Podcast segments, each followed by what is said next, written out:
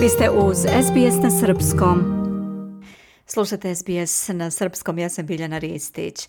Međunarodni filmski i muzički festival Kustendorf 15. po redu biće održan od 6. do 10. maja u Drvengradu na Mokroj gori, a u takmičarskom programu biće prikazana ostvarenja 15 domaćih i stranih autora.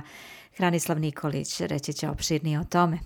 15. Međunarodni filmski i muzički festival Kustendorf, koji je trebao da se održi na Mokroj gori u januaru, ali je zbog pandemije pomeren, bit će upriličen od 6. do 10. maja, rekao je u četvrtak osnivač festivala Emir Kusturica. Pojava festivala koji je prije 15 godina započet na tom brdu kao jedan azil umjetnički je e, zapravo jedna od trasa na kojima će se u budućnosti očuvati e, format filma kakvog znamo iz tog e, ideologizovanog, odnosno idealizovanog perioda kada je film određen e, kao mediji veći od života. On je na konferenciji za medije u vladi Srbije istakao da će festival otvoriti film Perije egipatskog reditelja Omara El Zoharija. Dodao je da će u Drvengradu biti prikazano u takmičarskom programu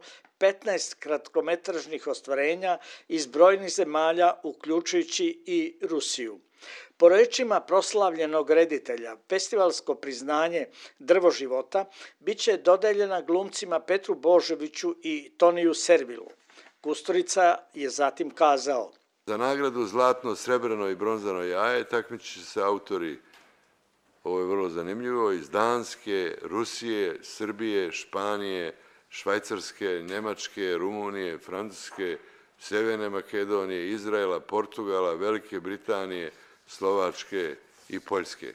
U ovom trenutku malo li je, što bi rekli, e, kada je otkaz kulture jednom čitavom narodu dodjeljen, mi ćemo prikazati filmove svih drugih pa i naroda kome je jednostavno dat crveni karton.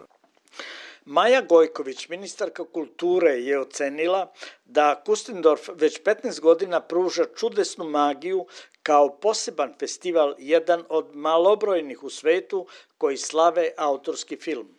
Prema njenim rečima, za Kustendorf, na koji su dolazili ruski reditelj Nikola Mihalkov i književni Nobelovac Petar Hanke, nije smelo da bude promišljanja da li je potreban Srbiji, regionu i svetu i da li će opstati.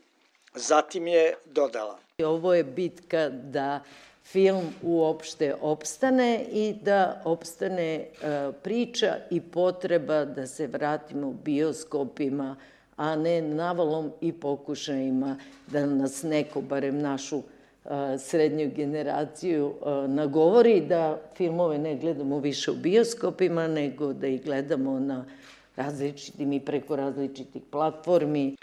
U muzičkom delu festivala na otvaranju će nastupiti Jovan Maljoković i njegov etno band, a potom izvođači koji gaje istu vrstu muzike, dok će program dopuniti bend Vesele 80. i džez muzičari. Iz Beograda za SBS radio Hranislav Nikolić. Želite da čujete još priča poput ove? Slušajte nas na Apple Podcast, Google Podcast, Spotify ili odakle god slušate podcast.